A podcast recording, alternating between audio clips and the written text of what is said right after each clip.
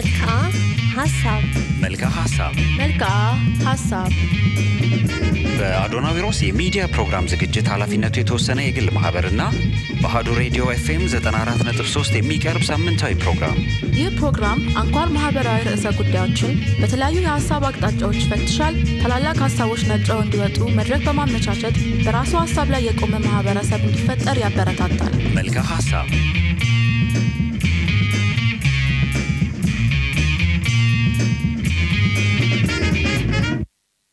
ሰላም ጤና ይስጥልኝ። እንደምናመሻችሁ እንደምንከረማችሁ የተወደዳችሁ የአህዱ ቤተሰቦች ይህ ሳምንታዊው የመልክዓ ሀሳብ ፕሮግራም ነው በአህዱ ኤፍኤም 94 ነጥብ 3 ላይ የዛሬውን ፕሮግራም እንደተለመደው የነገረ ጥበብ ተመራማሪው ጤነት ሰጠኝ፣ የሳይንስ ንድፈ ሀሳቦች ተንታኝ አቢፋንታይና እስክንድር ክብራብ እየመራ ነው። እስከ አራት ሰዓት ድረስ አብረን እንቆያለን። የጥበብን መስመር የሚከተለውን ሀሳብና ጥንታዊውን ወይም ነባር የምንለውን የኢትዮጵያን ሀሳብና በዓለም አቀፍ ደረጃ ሰፋ ያለ ተቀባይነት ያላቸውን ሀሳቦች በአንድ በኩል በንጽጽር እያቀረብን ለመ- ለመልክዓ ሀሳብ ቤተሰቦች የምናደርስበት ፕሮግራም ነው። እንግዲህ ዛሬም ከባለፈው ሳምንት በመቀጠል አንዳንድ ውይይታችንን እንቀጥላለን። መጀመሪያ በሰላምታ እንጀምር። ከስቱዲዮ ሰዎች ሰላም በሉ። ከሳይንስ ጀምር። ዛሬ ከሳይንስ ሰላም የአሐዱ ቤተሰቦች፣ አንተም እንዴት ከርማችኋል? የአሐዱ ቤተሰቦች እንዴት ናችሁ? ሳምንቱ እንዴት ነበር እንላለን። ሳምንቱ ጥሩ ነበር። በእኛ በኩል በጣም ጥሩ ነበረ። ስራው፣ እረፍቱም፣ ሁሉም ነገር ሁሉ ነገር በጣም ጥሩ ነበር። ጥሩ ጊዜን ያሳለፍነው። የረር ጉዞ ነበረም። በዛም ትንሽ ዞር ዞር ብለን ነበር ባለፉት ጊዜያቶች። ባለፈው ሳምንት። አዎ፣ የረርና መልክዓ ሀሳብ አይነጣጠልም ማለት ነው። አዎ፣ ስንወጣለን ከመውጫችን ላይ እና እሱንም ለማለት ነው። ጥሩ ጊዜ ነበረ። ብዙ ሰዎችም ወደውት ነበር። እንደዛ ነገሮች ነበሩበት። በጣም ጥሩ እንግዲህ ባለፈው ሳምንት ኢትዮጵያ በሃይማኖታዊ ዘርፍ ላይ ልታበረክታቸው የምትችላቸውን መንፈሳዊ ጥበቦች ብለን በዚህ ርዕስ ላይ ሰፋ ያለ ትንታኔ ሰጥተናል። በአብዛኛው ያው የጤንነት ትንታኔ በዛ ነበረ። በተወሰነ ደረጃ ሳይንሳዊ ሀሳቦችንም አብይ አንስቷል። ዛሬ ደግሞ እንግዲህ የመልክዓ ሀሳብ ተከታታዮች የሆነ ሰው ሃይማኖታዊ ዘርፍ አምስተኛ ላይ እንደሆነ መረዳት አያቅተውም። ዛሬ ደግሞ ወደ አንድ ደረጃ ከፍ እንልና ወደ ስድስተኛው የጥበብ አምድ ላይ ወጥተን እ፣ መንፈሳዊው ላይ ኢትዮጵያ ልታበረከት የምትችለው ነገር አለ ወይ? ካለ ምንድን ነው? ኢትዮጵያ ስንልም ማንን እያልን ነው ወይም የትኛውን ሀሳብ እያልን ነው የሚለውም በዛው እያነሳን እንቆያለን። ከዚህ በፊት እርግጥ በመንፈሳዊ ዘርፍ ጉዳይ ላይ ሰፊ ሰፊ ፕሮግራም ሰርተን እናውቃለን። ግን ምናልባት አዲስ የፕሮግራማችን ታዳሚዎች ሊኖሩ ስለሚችሉ መጀመሪያ በጥቅል መንፈሳዊ ዘርፍ ስንል የትኛው ነው እና ስንት ናቸው የሚለውን አንድ የጠቅለል ብለን በሚል መንፈስ እንጀምረውና ራሱ መንፈሳዊውን ዘርፍ በዛ አስተሳሰብ ጀምረ ነው ከዛ ወደ ወደ በተናጥል ደግሞ እያንዳንዱን መንፈሳዊ ዘርፍ ወደ ውስጥ ገብተን ለማየት እንሞክር። ጥሩ ሀሳብ ነው። ምንድን ነው እንግዲህ ይቅርታ እና የአህዱ ቤተሰቦችም እንዲያውቁት የምንፈልገው መንፈሳዊ ሀሳብ የሚል ነገር በብዛት እናነሳለን እና ብዙ ሰዎች ያው የሚመስላቸው መንፈሳዊነት ሲባል ይሄ ከሃይማኖታዊ ክፍል ጋር ከምናነሳው ጋር እንጂ እንደ አንድ ዘርፍ ወይንም ደግሞ ራሱን ችሎ የቆመ ነገር አድርጎ የመውሰድ ነገር ስለሌለ እነዚህ ነገሮች ላይ ይቅርታ ትንሽ ጉሮሮዬን ያዛረገ ይመስላል ገና ከጅምሩ ይፍታታል፣ አሁን ቀስቀስ እያልኩ ስናገርበት ማለት ነው። እና ቅዝቃዜም ስላለ መሰለኝ። እና ይሄ መንፈሳዊ ዘርፍ የምንለው ክፍል ራሱን ችሎ የቆመና ራሱን የቻለ የጥናት ዘርፍ እንዳለው እኛ ደግሞ አሁን እለት ተዕለት ኑሯችን ውስጥ እንደምንረዳው መንፈሳዊ ዘርፍ የምንለው ክፍል አሁን እኛ በምንረዳው መንገድ ውስጥ ባለ ክፍሎች ውስጥ ሳይሆን በተለየ ደረጃ ላይ ከሃይማኖታዊ ክፍልም በተለየ ራሱን ችሎ የቆመ ነገር እንደሆነ የሚያሳዩ ነገሮች አሉ። አንተ ላነሳኸው ጥያቄም መሰረታዊ ደረጃ ይህንን እንደ አንድ እንትን ከወሰድ ነው መንፈሳዊ ዘርፍ በራሱ ልክ ሃይማኖታዊ ዘርፍ ላይ እንደምናጠናው ጥናት ለምሳሌ በሃይማኖታዊ ክፍል ገብተ የክርስትና አስተምሮት አለ፣ የእስልምና አስተምሮት አለ እንደዚህ ብለህ እንደምታነሳው የሃይማኖቶችን ስም ዝርዝራቸውን እየጠራህ በጥቅል በጥቅሉ ማለት ነው እንግዲህ እና ክርስትናን እንደ አንድ ሌሎችንም የተለያዩ እምነቶችንም እንደዚህ ሃይማኖታዊ ክፍሎችን እያነሳን አንዳንድ እንደምናወራው ሁሉ በመንፈሳዊ ዘርፍ ላይም ራሱን የቻለ አንድ ክፍል አለው። ዘርፎች አሉት። ግን እነዚህ መንፈሳዊ ዘርፍ ላይ ያሉት ክፍሎች ብዙ አይደሉም። ቁጥራቸው ትንሽ ነው ያለው። አራት ናቸው ዋና ዋና ተብለው የሚቀመጡት እና እነዚህ ምንድነው የሚባሉት? አንደኛው አንጻራዊ መንፈሳዊ ጥበብ ይባላል። ሁለተኛው ግኝታዊ መንፈሳዊ ጥበብ ይባላል። ሶስተኛው ተምሳሌታዊ መንፈሳዊ ጥበብ ይባላል። አራተኛው ምናባዊ መንፈሳዊ ጥበብ ይባላል። ስለዚህ አራት መንፈሳዊ ጥበቦች አሉ ማለት ነው። እነኚህ መንፈሳዊ ጥበብ የምንላቸው ክፍሎች በአብዛኛው ብዙ ሰዎችም ሊረዱት የሚገባው ነገር እነዚህ ስሞቹን የሰጠናቸው ለምሳሌ አንጻራዊ መንፈሳዊ ጥበብ፣ ግኝታዊ መንፈሳዊ ጥበብ ምናምን የምንላቸውን ስያሜ እ፣ እኛ ነን የሰጠናቸው ማለት ለምንድን ነው ለማስረዳት እንዲያመቸን። ምክንያቱም ይህ አስተሳሰብ እዚሁ ከኢትዮጵያ ውስጥ የተገኘ እዚህ ውስጥ በምርምር ውስጥ ምናምን የምሰራበት ጉዳይ ስለሆነ ዓለም አቀፍ የራሱ ስም ሊሰጠው ይችላል። የሉም ማለት አይደለም። እኛ ስላወራን የለም ሳይሆን ጽንሰ ሀሳቡ የራሳችን ስለሆነ ወይም ሀሳቡ የራሳችን ስለሆነ በራሳችን ስያሜን የሰጠ ነው። ለምሳሌ አንጻራዊ መንፈሳዊ ጥበብ የምንለው ክፍል አለ ማለት ነው። ምናልባት በሌሎቹ መንፈሳዊ ጥናቶች ውስጥ ይህን ሌላ ስም ሊሰጡት ይችሉ ይሆናል። ግኝታዊ መንፈሳዊ ጥበብ የምንለው አለ እኛ ተምሳሌታዊ መንፈሳዊ ጥበብ የምንለው አለ፣ ምናባዊ መንፈሳዊ ጥበብ የምንላቸው። ስለዚህ እነዚህ ስሞች አራት ትልልቅ ዘርፎች በመንፈሳዊ ጥበብ ዘርፍ ላይ እንዳሉ የሚያሳይ ነገር አለ። ሌላ ሁለተኛ የሚነሳው እነዚህ አንጻራዊ መንፈሳዊ ምናምን የምንላቸው እነዚህ አራቱ መንፈሳዊ ጥበቦች ደግሞ ምንድን ናቸው የሚል ደግሞ ሌላ እሳቤ ይነሳል። ምንድን ነው አጠቃላይ ነገራቸው ምንድን? ምን- ማለት ነው? መንፈሳዊ ጥበብ ምን ማለት ነው ሲባል መንፈሳዊ ጥበብ ማለት ራሳቸውን ችለው ለምሳሌ አንድን ነገር ለማከናወን ወይም አንድን ነገር ለማድረግ ለመስራት በምንፈልግበት ሰዓት ላይ የምንጠቀምበት መንገድ ያንን የምንፈልገውን ነገር ወደ ቦታው ላይ የምናደርስበት መንገድን የሚያሳዩ ናቸው መንፈሳዊ ጥበቦች የሚባሉት እንጂ በራሳቸው የራሳቸው ነገር ያላቸው አይደለም። ለምሳሌ አንድ ሀሳብ ይኖረናል። ያንን ሀሳብ እንዴት ነው የምንተገብርበት የሚለው መንገድ ነው እነዚህን መንፈሳዊ ጥበቦች የሚያሳየው እንጂ ያንን የኛ ሀሳብን የተገበርንበት መንገድ ወይም ደግሞ ያንን ወደ መሬት ለማውረድ ወይም ደግሞ ወደሚታይ ነገር ለማውረድ ወይም ደግሞ ሀሳባችን ግቡን እንዲመታ ያስቀመጥንለት ነገር አለ። አንድ ያስቀመጥነው ነገር ያንን እንዲያደርግ የተጠቀምንበት መንገድን የሚያሳዩ ናቸው። ለምሳሌ ይበልጥ ይሄ ለአዱ ቤተሰቦችም ግልጽ እንዲሆንላቸው ለምሳሌ እኔ ቤት ለመስራት አሰብኩ ልበል። እንግዲህ ይሄ ቤት መስራት ሀሳብ የኔ ሀሳብ ነው፣ እኔ አይምሮ ውስጥ አለ። ከዛ ቤት ለመስራት ሳስብ ያንን ያሰብኩትን ቤት ለማስቀመጥ ሳስብ ያ የምሰራው ቤት ምን አይነት ቤት ነው? በአንጻራዊ መንፈሳዊ ጥበብ ነው ወይ የምሰራው ካልኩኝ፣ አንጻራዊ መንፈሳዊ ጥበብ ማለት ምንድን ነው? ከዚህ በፊት ላይ ሌሎች ሀገራት ላይ የተሰሩ ከዚህ በፊት ላይ ሌላ ቦታ ላይ ያየሁትን ከዚህ በፊት ላይ ቤት እንደዚህ ነው የሚሰራው ተብሎ የተሰጠኝን structure ከዚህ በፊት ላይ ቤት ስትሰራ በብሎኬት በእንደዚህ በእንደዚህ መስራት አለብህ ተብዬ በተባልኩት በፊት ከተቀመጠው አንጻር አይቼ ያንን ቤት ከሰራሁት በአንጻራዊ መንፈሳዊ ጥበብ ነው ማለት ነው ያንን ቤት የሰራሁት። ያ ቤት በኋላ ላይ አንድ ሰው መጥቶ ሲያው ይሄ ቤት የእንትናን ቤት ይመስላል። ከእንትና ሀሳብ ላይ የተወሰደ ነው ከእንትና ሀሳብ ላይ የተመጣ ነው ብሎ ይናገራል። ምክንያቱም እኔ ከዛ አንጻር ስለሆነ የሰራሁት። ከዚህ በፊት ባየሁት። ለምሳሌ ዱባይ ላይ የተሰራ ፎቅ አይቼ ከሆነ ያመጣሁት እሱን አንቼ ቻይና ላይ የተሰራ ፎቅ አምጥቼ ከሆነ ቻይና ላይ የመጣ ፎቅ አሁን ከተማችን እንደምናየው ማለት ነው። እንግዲህ ብዙዎቹ አሁን ከተሞቻችን ላይ የምናያቸው ብዙ ፎቆች ከበስተጀርባ በኩል ዝም ብለን ብንመልካቸው ሌሎች ሀገራች ላይ ቅርጻቸው ምናቸው ይታያል። ምክንያቱም ሰውየው ይሄድና ያይና "ው፣ ይሄ ቆንጆ ፎቅ ነው እንዲህ አይነት ፎቅ ነው የሚፈልገው ሊል ይችላል። ከዛ ይሄ አንጻራዊ መንፈሳዊ ጥበብ የሚባለው ምንድን ነው ከሆነ አንጻር ቤት የመስራት ሀሳቡ ያው የሱ ነው። ግን ያ ቤቱ ግን ምን መምሰል አለበት፣ ምን ቅር መያዝ አለ የሚለውን ግን ያመጣበት መንገድ ከሌላ ቦታ ላይ ነው የወሰደው። የእሱ ሀሳብ አይደለም። የዛ ቤት ቅርጽ፣ የዛ ቤት ህልውና፣ የዛ ቤት existence የምንለው ክፍል ከሱ ሳይሆን በንጽጽር ከሌላ ቦታ የተወሰደ ሲሆን ይሄ አንጻራዊ መንፈሳዊ ጥበብ ይባላል። ስለዚህ የማጣቀሻ ነጥብ ይኖረዋል። ሁለት ነጥቦች አሉት አሁን አዎ፣ እና አንጻራ- የሆነ አንድ ሌላ አለ። ከዚህ በፊት ላይ በሌላ የተሰራ ሀሳቡ የዛ የቤት ቅርጽ ምንድነው ይሄ structure ኡ ወይም ደግሞ ይሄ እንትኑ አርኪቴክቱ እንትኑ ከዚህ በፊት ዲዛይኑ? ማለት ነው። ዲዛይኑ ከዚህ በፊት የነበረ ነው። የእሱ ራሱ ያፈለቀው አይደለም። okay። ተምሳሌታዊው ግን መንፈሳዊ ጥበብ ይሄን ቤት ሲሰራ ግን ምንድን ነው የሚያደርገው መሰለ በማይታየው ዓለም ውስጥ በማይታየው እይታ ውስጥ በዚህኛው ዓለም ሳይሆን በማይታየው ለምሳሌ የእግዚአብሔር ዙፋን ይህን ነው የሚመስለው። የመላእክት መቀመጫ እንዲህ አይነት ቅርጽ አለው።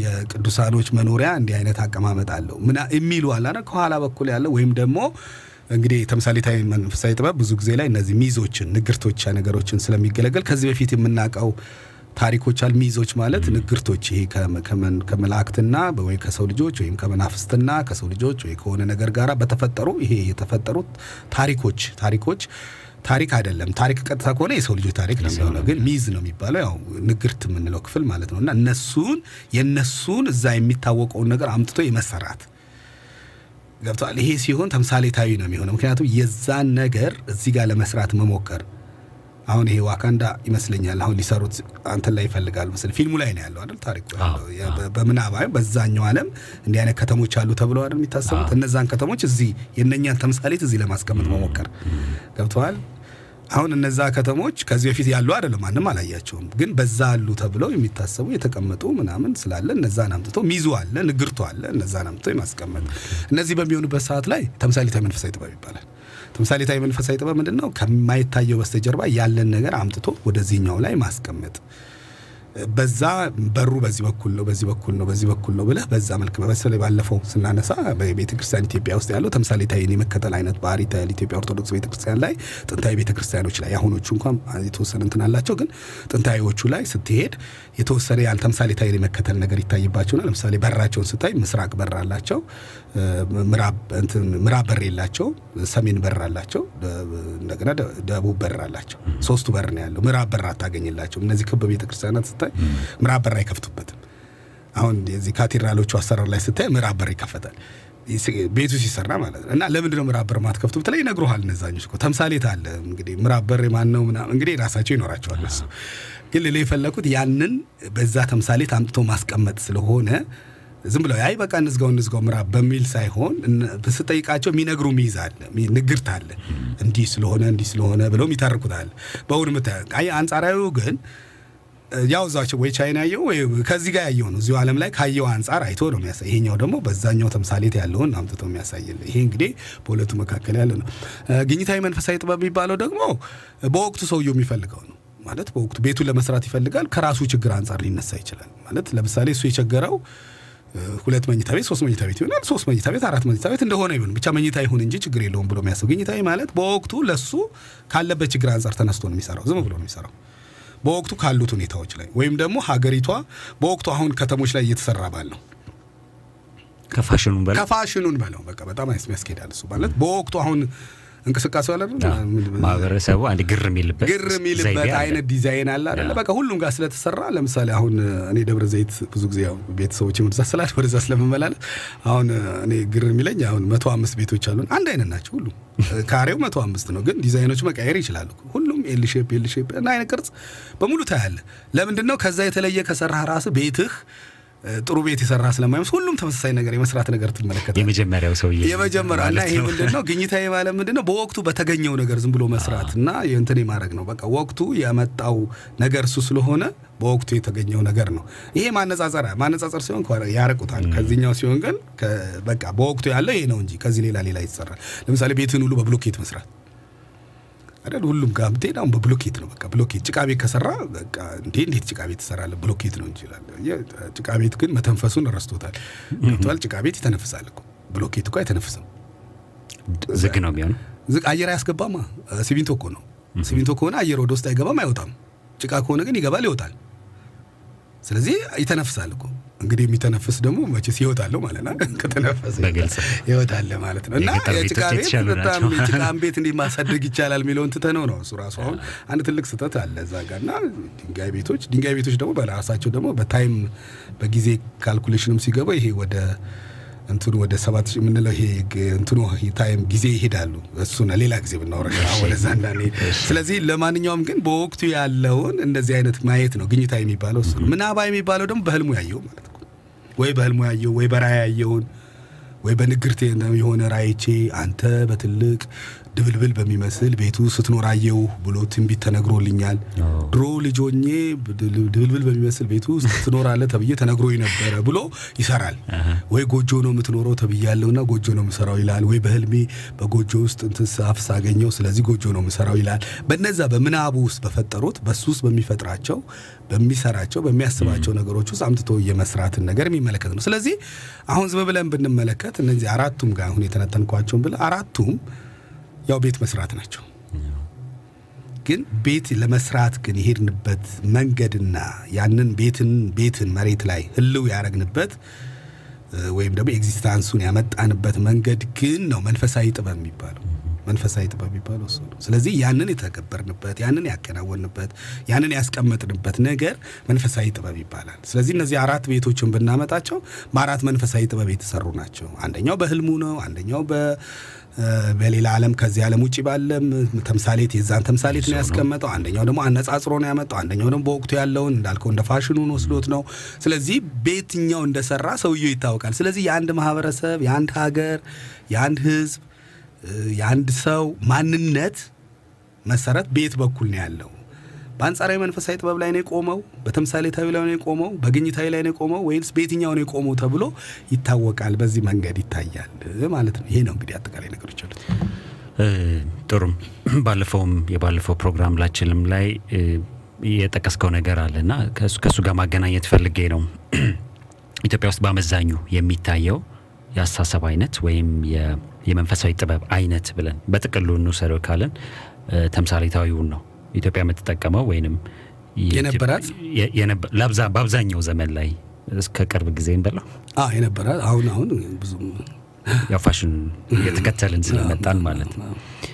ለመሆኑ ይህንን መንፈሳዊ ጥበብ የተምሳሌታዊውን መተዋችንና ባንቶውና ደግሞ አሁን እንደገና እንዲነሳ ብናደርገው በአሁን ላለንበት ማህበረሰብ ማህበራዊም ይሁን ፖለቲካዊ ኢኮኖሚያዊ ለነባራዊ ችግሮቻችን ላይ ሊፈጥርልን የሚችለው መፍትሄም ነበር ወይ? ብንቶውስ ዝም ብለን ተከትለን ዓለምን ብንሄድስ ኢትዮጵያ የምታጣው ነገር ምንድን ነው? አንደኛ በመጀመሪያ ደረጃ ላይ እንግዲህ ትልቁ ነገር ምንድን ነው? ኢትዮጵያ የብዙ ታሪክ ባለቤት ነች። ማለት ከሌሎቹ ሀገራት አንጻር ሲታይ ዓለማችን ላይ ካሉ አሁን ታላላቅ ከምንላቸው ሀገራት ራሱን አሜሪካንም ሌሎቹን ምዕራባውያኖችንም ጨምረን ከምንናገረው በታሪክም በታላቅ ደረጃ መምጣትን ረጅም ታሪክ ይዛ የመጣች ሀገር ኢትዮጵያ ነች።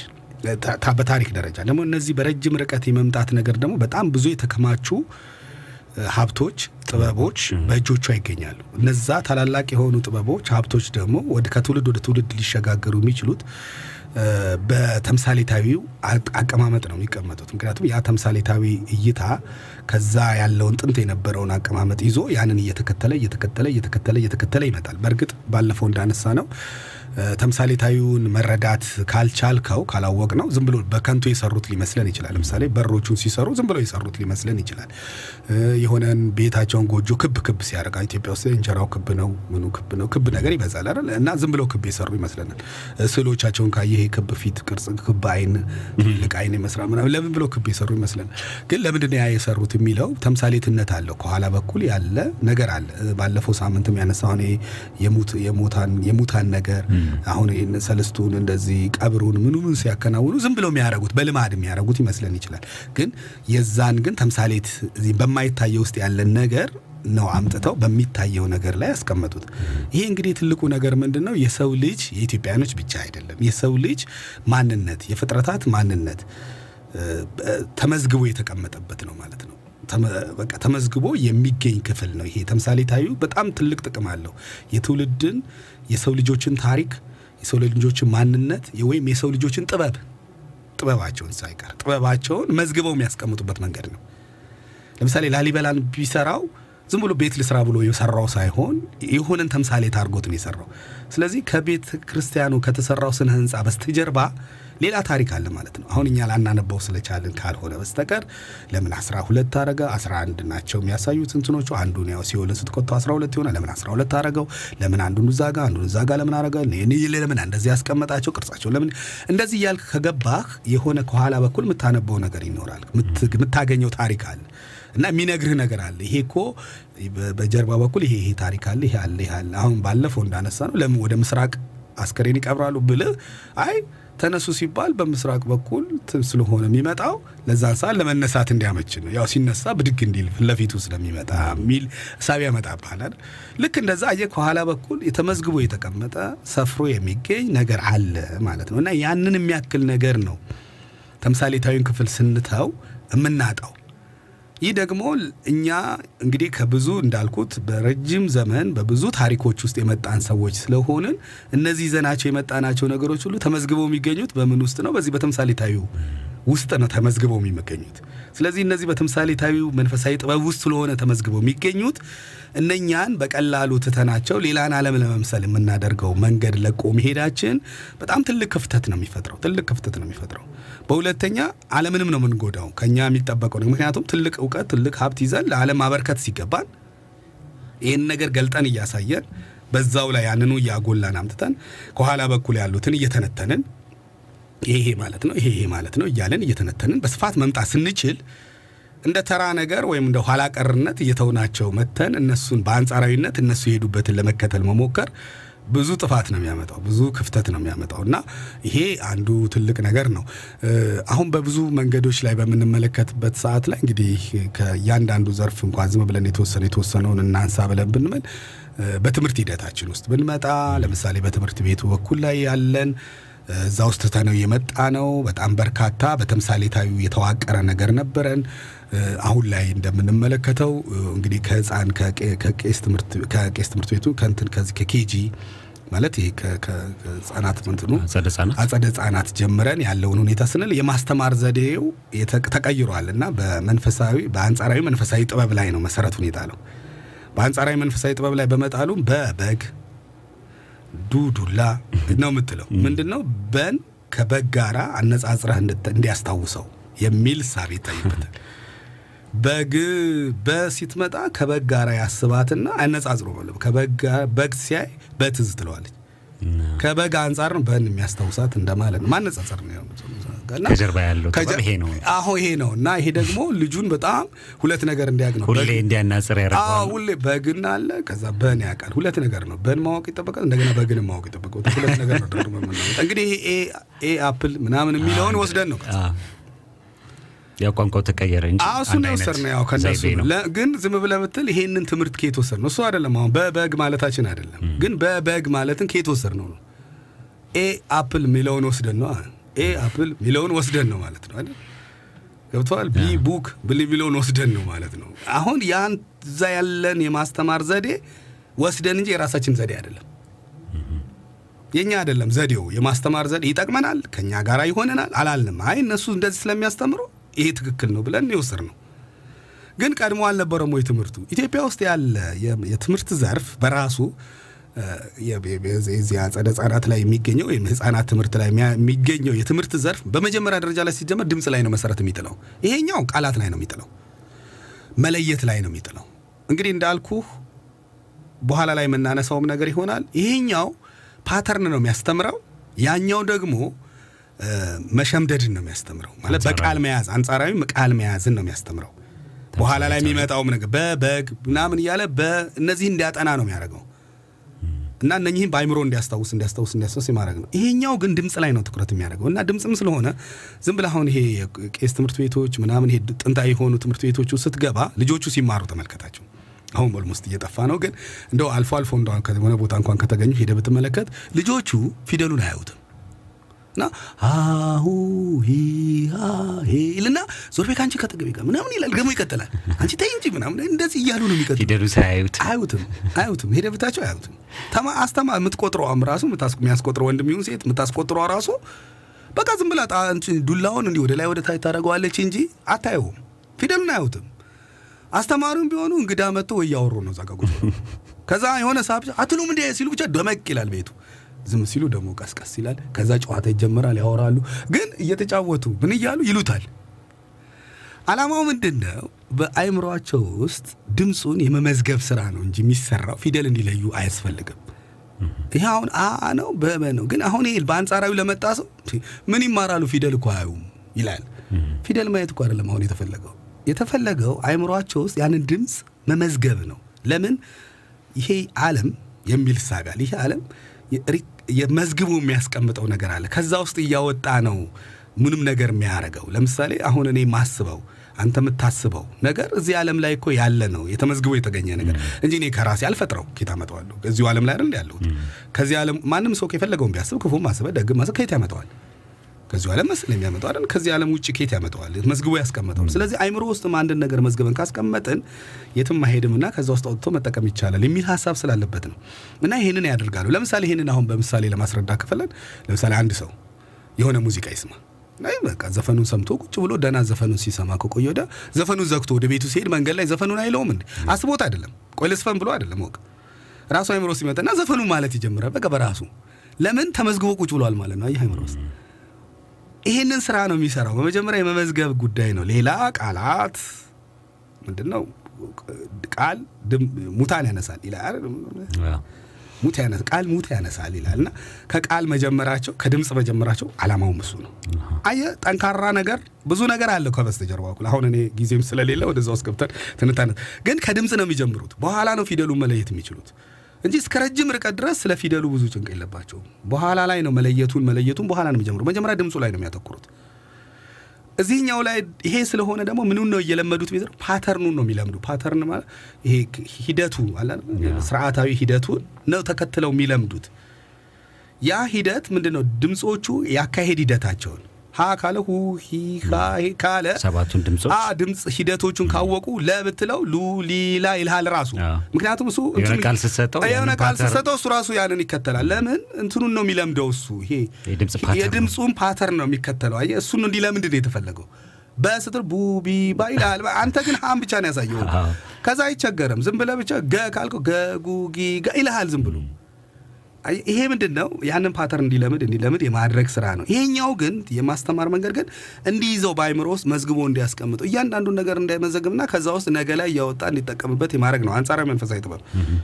አንዱ እሱ ነው። ሁለተኛው አንጻራዊ መንፈሳዊ ጥበብ እንግዲህ ይሄኛውን አቅጣጫ የመከተል በትምህርት ላይ ስላለበት አሁንም እንደምንመለከተው በሀገራችን ላይ አንድ አንድ ክፍል ተማሪ የሆነ ልጅ አሁን በብዙ ትምህርት ቤቶች ውስጥ የሚታየው ነገር የሰባተኛ ክፍል ወይ የስምንተኛ ክፍል ትምህርት አምጥቶ ማስተማር ጎበዝ ለማድረግ መሞከር አይነት እሳቤ ምንድን ነው? ዝም ብሎ መመዝገብ pattern ኡን የማጥናት አይደለም። ልጁ የያዘው መቼስ የስምንተኛ ክፍልም በዛ እድሜው pattern ኡን አያጠናም።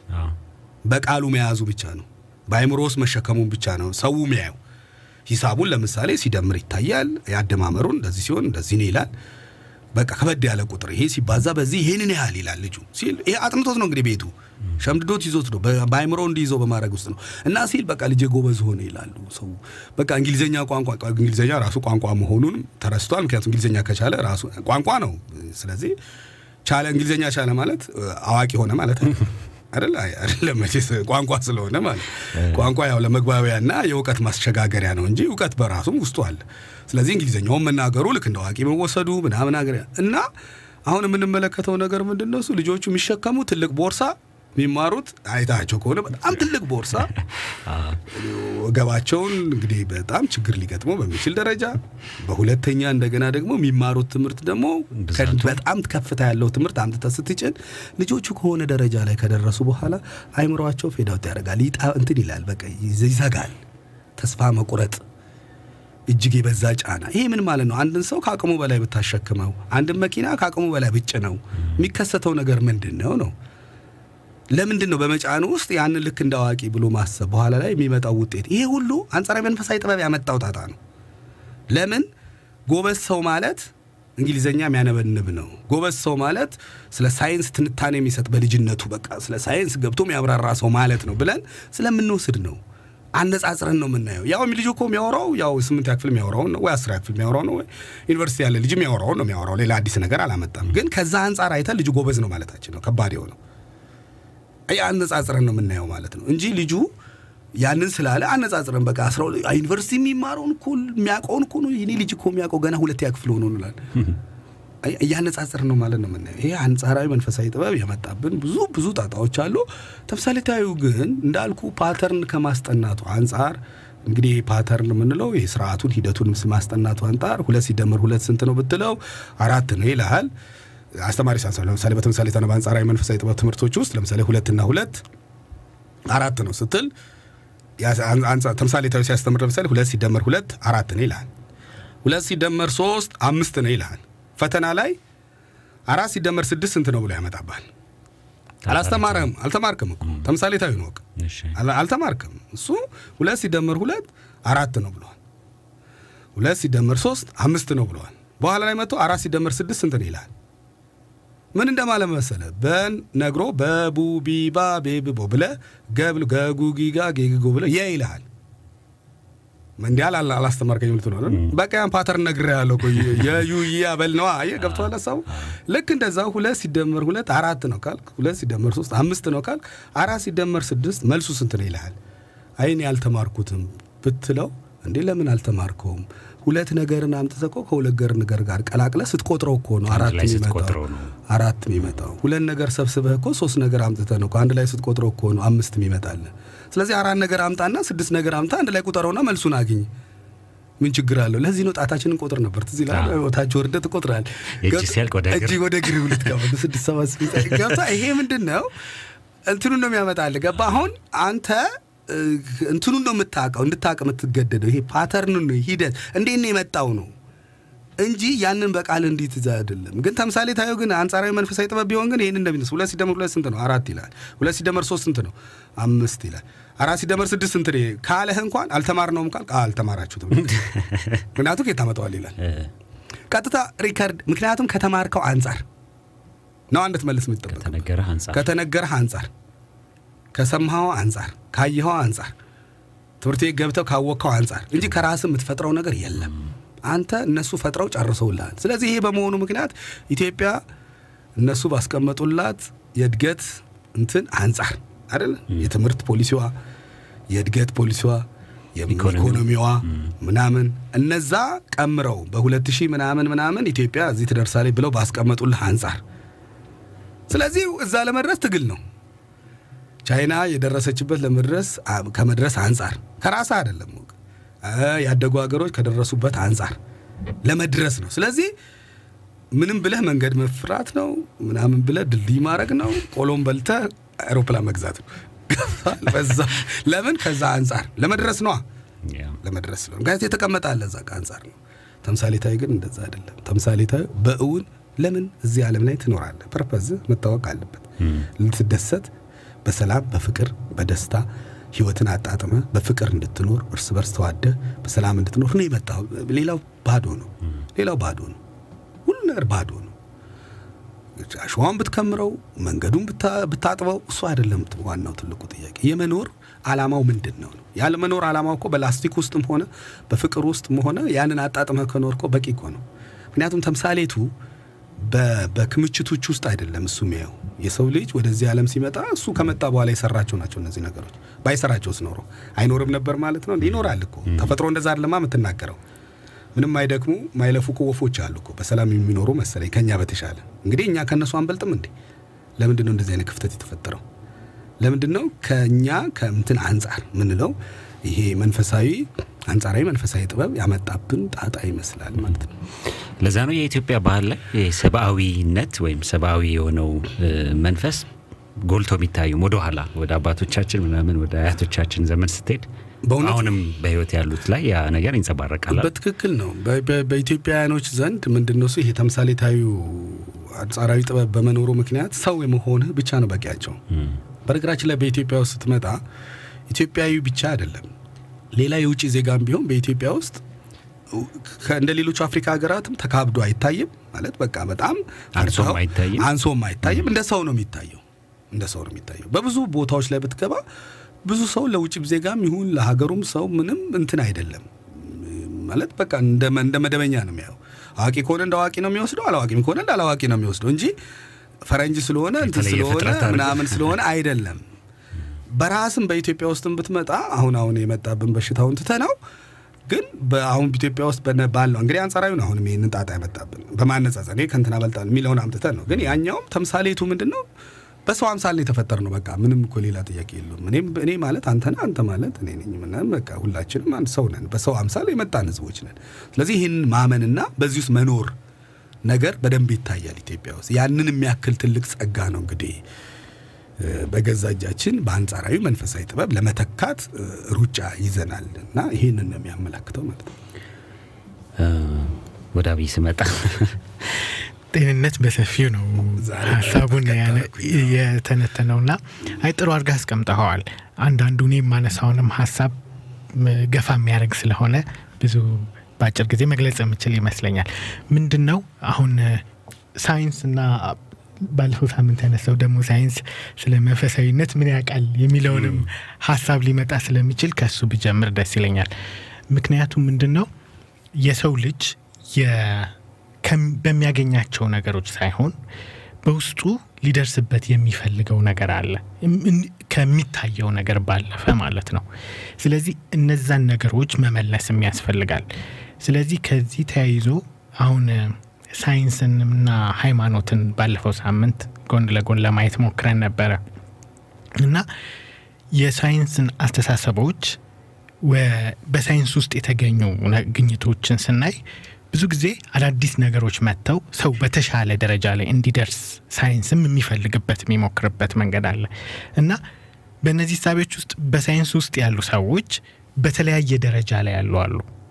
ስለዚህ የዓለምን ሁኔታ ከሚታየው በላይ ባለው ነገር ላይ ምን ማየት እንችላለን የሚል በተለይ quantum physics parallel universe ተገኘ ምናምን የሚለው ነገሮች ከመጡ በኋላ የሳይንስ አስተሳሰብ ከሚታየው ነገር በጣም ወደማይታየው ነገር የመሄድ ነገር አለ። ምናልባት አሁን ጤንነት ካነሳኸው ይሄ ብዙ አሁን በሳይንስ ውስጥ ያሉ ሰዎች ተመስጦን፣ meditation ን ምን ላይ በጣም ትኩረት አድርገው የሚሰሩ ብዙ ሰዎች እናያለን። ያን ቴክኖሎጂም አሁን የምናያቸው ነገሮች በዚህ ዓለም ላይ ካየናቸው ነገሮች ሳይሆን ከሌላ ቦታ ኮፒ ተደርገው እንደሚመጡ አይነት የሚያሳዩም ነገሮች አሉና እና እነዚህ አይነት ነገሮች መኖራቸው መንፈሳዊነት ምንድን ነው የሚለውን የሚያጠኑ ብዙ ሰዎች እንዲመጡ አድርጓል እና ይህንን ትርጉም ለመስጠት ይሞክራሉ። ምንድን ነው የሚሉት? ለምሳሌ በእምነት ወይም በትምህርት ቤት ቢሆን ይሄ ቋሚ የሆነ ተቋም ያለው እና በውስጡ የያዘ የተዘጋጀ የተቀረጸ ምንድነው አሁን ትምህርት ከሆነ ካሪኩለም፣ ሃይማኖትም ከሆነ አንድ የእምነቱ መመሪያ የሆነ መጽሐፍ ያንን ይዞ በዛ ውስጥ ሰው የሚፈልገው ነገር ላይ ለመድረስ የሚሄድበት መንገድ ነው ብለው ያስቀምጡታል። ይህ ግን መንፈሳዊ የሚለውን spirituality በሚለው ሲተረጉሙት ምን ይላሉ? አንድ ሰው በቀጥታ እዛ ነገር ላይ ለመድረስ experience የሚያደርገው ነገር ነው። ወይም በቀጥታ እንግሊዝኛውን ቃል በወስደው ሀሳቡን ሊገልጽ ይችላል ይመስለኛል። direct experience of the sacred is spirituality ይሉታል። ወይም ሰው ምንድን ይሄ ሁሉም በሰው ውስጥ ቅዱስ ወይም ከፍ ያለ የሚለውን ነገር ለመድረስ ይፈልጋል። እሱን በቀጥታ የሚያገኘው ተሞክሮ ከእሱ ጋር ያለው ነገር ነው መንፈሳዊነት የሚያመጣ ይላሉ። ለምሳሌ አሁን በሰለጠኑት ዓለም ብናይ ምግባቸው ተሟልተዋል፣ ልብሳቸው ተሟልተዋል፣ ኑሯቸው ተሟልተዋል። ግን ለምሳሌ ጃፓን በጣም የሰለጠነች ሀገር ነች እንላለን። ነገር ግን መረጃ ሄደን ብናይ ከፎቅ እየዘለሉ የሚሞቱ ሰዎች ብናይ በአመት ውስጥ በጣም ብዙ ሰው ነው ማለት ሰዎች ያገኙት ነገር ብቻ አይደለም እርካታ ሊሰጣቸው የሚችለው አይደለ ይሄ ቁሳዊ የሆነው ነገር ብቻ አይደለም። ስለዚህ ከሚታየው ነገር ጀርባ ያለ ያልተሟላ ነገር አለ። ስለዚህ እነዚህን አይነት ማህበራዊ ቀውሶች መኖሪያቸው ይሄ ስፒሪቹዋል የሆነ ነገር አለ የሚለውን ሀሳብ የሰውን ያንን ፍላጎት ማሟላት አለብን በሚል የሚሰሩ ብዙ ስራዎች አሉ እና በዚህ ደረጃ በሚጠኑ ጥናቶች መንፈሳዊነትን በዚህ መንገድ ይተረጉሟቸዋል። አሁን ይህን ነገር ስናየው ግን አሁንም ጤንነት እንዳስቀመጥከው ከሀገር ሀገር በጣም ይለያል። ለምሳሌ አሁን አውሮፓ ላይ ያለውን ብንሄድ አሁንም ብንሄድ ትምህርቶቹን ምኖቹን ተከትሎ ነው መንፈሳዊ ነገር ሊያስተምር የሚሞክረው።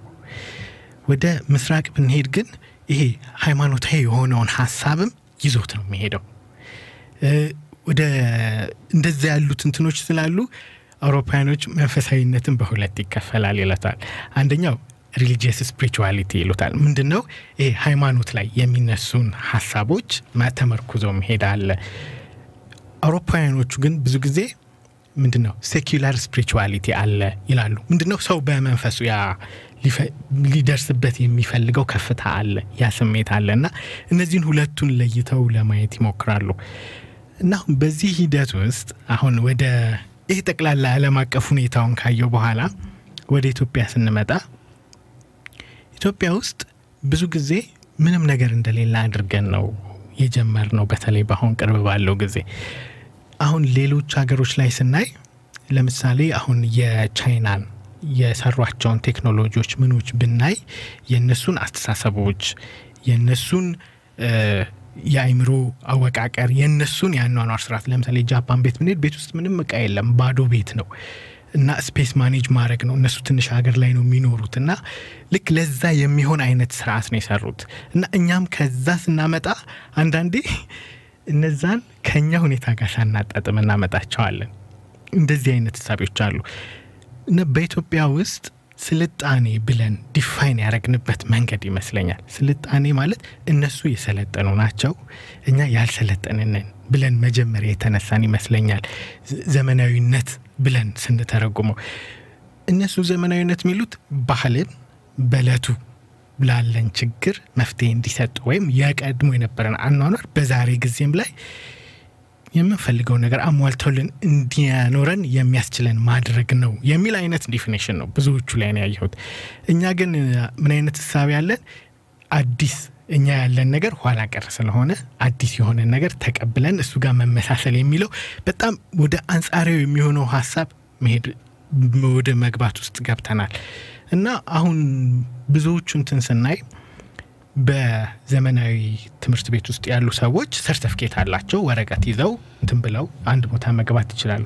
ግን ቀድሞ የነበሩ ሰዎች በእንትኖችም ውስጥ እኮ የምናውቃቸው ምንም ወረቀት የሌላቸው በጣም ብዙ ነገር የሚሰሩ እንትኖች አሉ። ለምሳሌ እኔ በጣም የሚገርመኝ ጳውሎስ ኞኞ አራተኛ ክፍል ድረስ ነው የተማርኩት ይላል። እሱም እና ግን የሚሰጠው ትንታኔ የሚያውቀው ነገሮች ብዙ ናቸው። ይሄ በቀድሞ በነበሩ የትምህርት ስርዓቶች ውስጥ ያገኘናቸው ነገሮች ናቸው እና እነዛን ጠብቀን ቢያንስ ጎን ለጎን ከእንደዚህ ከማምጣት ይልቅ የውጭውን ነገር መቀበል ነው ዘመናዊነት፣ እኛ ያለን ነገር ኋላ ቀር ነው የሚለው አይነት ትርጓሜ ውስጥ በመሄዳችን በሀገራችን ያሉትን ቀድመው የነበሩትን እውቀቶች ወይም ስልጣኔዎችን ቦታ ሰጥተን ሳንጠቀምባቸው ይሄድን ይመስለኛል።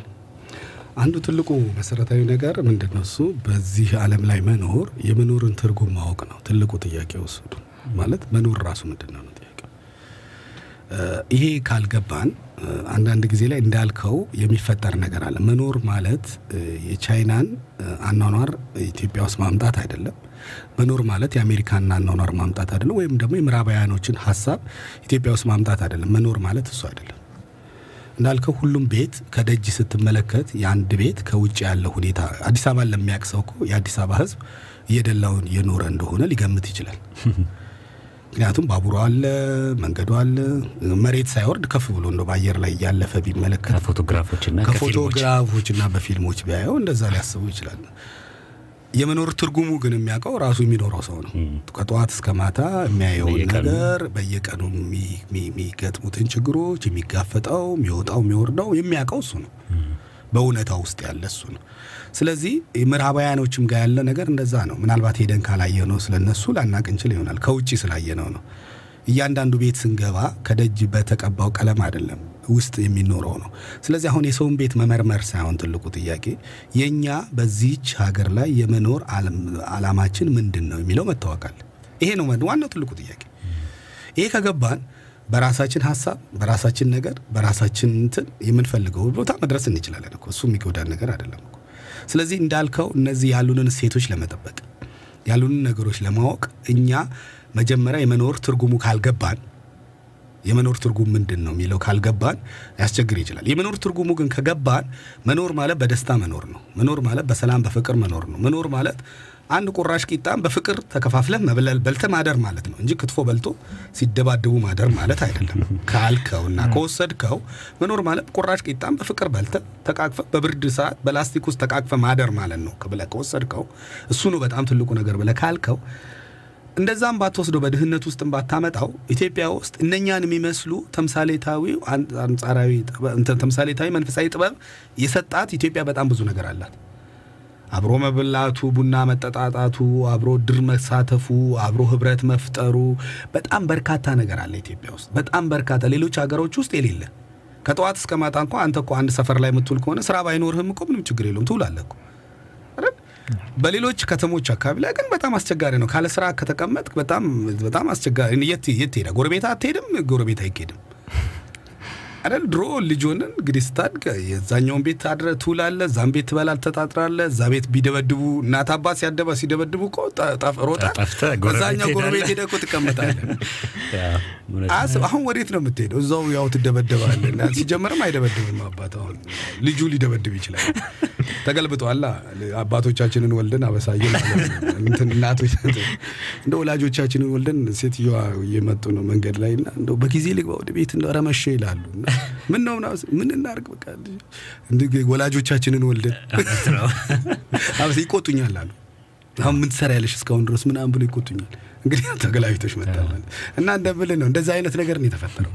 ስለዚህ እኛ ይሄ ተምሳሌታዊ ነገር የሰጠን ታላቅ ነገር ነበረን በእጃችን ለዓለም ሁሉ ልናበረከት እንችል ነበር ብንጠብቀው ኖሮ ማለት ነው። ግን እንደ ቀላል ነገር ግን በተን ነው። በጣም አስገራሚ ነገር እሱ ነው። እንደ ቀላል ነገር በተን ነው እና በብዙ ስራዎቻችን ውስጥ ለምሳሌ በዚህ እነዚህ ነገሮች በሙዚቃዎቻችን ውስጥ ብትመጣ ኢትዮጵያ ውስጥ ሙዚቃዎቹ ክፍል ዛሬ ሙዚቃ አልጋበዝንም። እንደው ገቡን ጋበዝ መጨረሻ ጥሩ ላይ ነበር መጨረሻ ላይ ወይ እንደው እና በሙዚቃዎቻችን ውስጥ ብትመጣ አሁን ለምሳሌ ተምሳሌታዊ ክፍል የሰጠን የሙዚቃ ዘርፍ ነበረ፣ እኛ ኢትዮጵያ ውስጥ ነበረ። ለዚህም ስለሆነ አሁን በትውልዱ መካከል ብትመልከት እኛም ጋም እንደዛ ሆኖ ይሁን አላውቅም፣ ብቻ ወደ ኋላ እየሄድን ይሄ ሙዚቃ መልቀቅ ነገር እኛ ጋም ይታያል። እና ለምንድን ነው ብለህ ብትል ተምሳሌታዊ እይታ ነበራቸው ሙዚቃዎቹ። ምንድን ነው በማታየው ውስጥ ይሄ ሙዚቃ የነፍስ ነው ለ- ለነፍስ ምግብ የሚሆን ነገር የሚያቀርቡ ሙዚቆች ነበሩልን። አሁን አንጻራዊ ሆነና የዓለም ሙዚቃ የደረሰበት ደረጃ ለመድረስ ተባለና ኳኳቴው በዛ። በቃ እዚህ የሚጮኸው ነው። በቃ ዝም ብሎ በቃ ማንኳኳት ነው። ብትሳሳት ራሱ መሀል ላይ ማንም መሳሳትን የሚያውቅ ያለ አይመስለኝም። አሁን ኳኳቴው ብዙ ነው። በቃ አንተም የሆነ ቆርቆሮ ይዘህ መሀል ላይ ብትገባ አብሮ የሚቀጥል ይመስለኛል። እና ዝም ብለህ ትገባለህ። የቅንብሩ በቃ ምንም እንትኑ ፓተርንም የለም ምንም ያው የሙዚቃው ክፍል ነው ተብሎ የሚወሰደው ምክንያቱም እንትኑ ስላለ ማለት ምንድን ነው ያ የመጣው የሌሎቹን አሁን የዓለማችን ላይ ያሉትን የሙዚቃ ዘርፎች አሁን ታዋቂ የሆኑትን የሙዚቃ ዘርፎች ስልቶች ለመከተል በሚል ነው እየሄድን ያለ ነው። እነዛ ደግሞ ለስጋ ለምናምን ሊሆኑ ይችላሉ እንዳልነው ንጽጽርም ስለሆነ እነዛ የራሳቸው የሚያውቁት ነገር ይኖራቸዋል። እንግዲህ ራሳቸውን ሳይኮሎጂካል የስነ ልቦናች ጉዳያቸውን የራሳቸው ሊፈታላቸው ይችላል። እኛ ግን ቀድሞ የነበሩት በጣም የሚገርሙ የሙዚቃ ስልቶች የሚገርሙ አሁን አይነ የሀገር ፍቅር ምናምን የተጫወታቸው ይድሮ አሉ እና እነዚህ ነሷም እኔ ግራ አይገባም። በጣም በጣም የሚገርም ደረጃ ላይ ነው የመጡት የነበረው። ቋንቋው እንኳ አትሰማውም እኮ የሚገርም ነገር ውስጡ ቋንቋውን ባትሰማው እንኳ ግጥሙ እኮ አይደለም። ዛሬ ላይ ደግሞ የግጥም ነገር ነው። አሁን ዛሬ ላይ ደግሞ ግጥሙ ነው የሚታየው። ጥሩ ተናገረ። ግጥሙ አይደለም። ግጥሙንም ባታቀውም ትወደዋለህ። ለምንድን ነው በስተጀርባ የሚገኘውን ተምሳሌታዊ አየህ የዛ የነፍስ ነገር የስውር ዓለምን ነገር የ- የማይታየውን ክፍል ያሳይሃል። የማይታየው ማለት የማይታየውን የነፍስህን ክፍል፣ የማይታየውን የፍቅርህን ክፍል፣ የማይታየውን የብሶትህን ክፍል፣ የማይታየውን የሐዘንህን ክፍል፣ የማይታየውን ክፍልህን ነው የሚያሳየው። ስለዚህ እጅግ አድርገህ ትወደዋል። ምንም ዝግ ግጥሙ አይደለም ምናምኑ አይደለም ምኑ አይደለም እዛ እዛ እንትን ላይ ይወስድሃል፣ ያመጣሃል። ስለዚህ ግጥሙንም ባሰማው በሌላ ቋንቋ ቢኖር በምን ቢሆን በጣም ተወደዋለህ እና ሙዚቃው በጣም እጅግ ደስ ይልሃል እና ውስጥ ይመሰጣል እና እንደነዚህ አይነት ነገሮችን ነው ሙዚቃውም የወጣ ስዕሎቻችንም ስዕልም ላይ ይችላል። አለ ልበል ስዕሎቻችንም ላይ በጣም የሚገርም ነው። ተምሳሌታዊው የሰጠን የነበረው ስዕሎች አሁን ያለው እንትን አቀራረብ ያሳሳል ዘዴ አሳሳል ዘዴ ይሄ አንጻራዊ መከተል ነው። አሁን አንጻራዊ አለ ወይ ቆንጅች ሴት ስልና ውሃ ዳር ላይ በቃ ቁጭ ብላ ምናምን መሳል ነው። ይሄ እኮ አሁንም ብትፈልግ በውንም አንዲት ሴት አስቀምጠ ቆንጆ ፎቶ ብታነሳ ትችላለህ ችግር የለውም። ያ አይደለም ሰዓሊነትህ።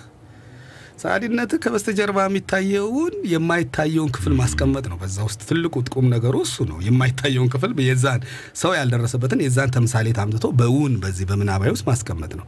በሌላ ሀሳብን ማስቀመጥ ነው። በኢትዮጵያ አሳሳል ሂደቶች ላይ ሀሳብን የማስቀመጥ ነገር ስላለ አንዳንዶቹ ዝም ብለው ይላሉ የሆነ ልጄ ሳለው ስዕል ይመስላል የጥንታዊ ስዕሎች ይላሉ። ግን አይደለም አይደለም።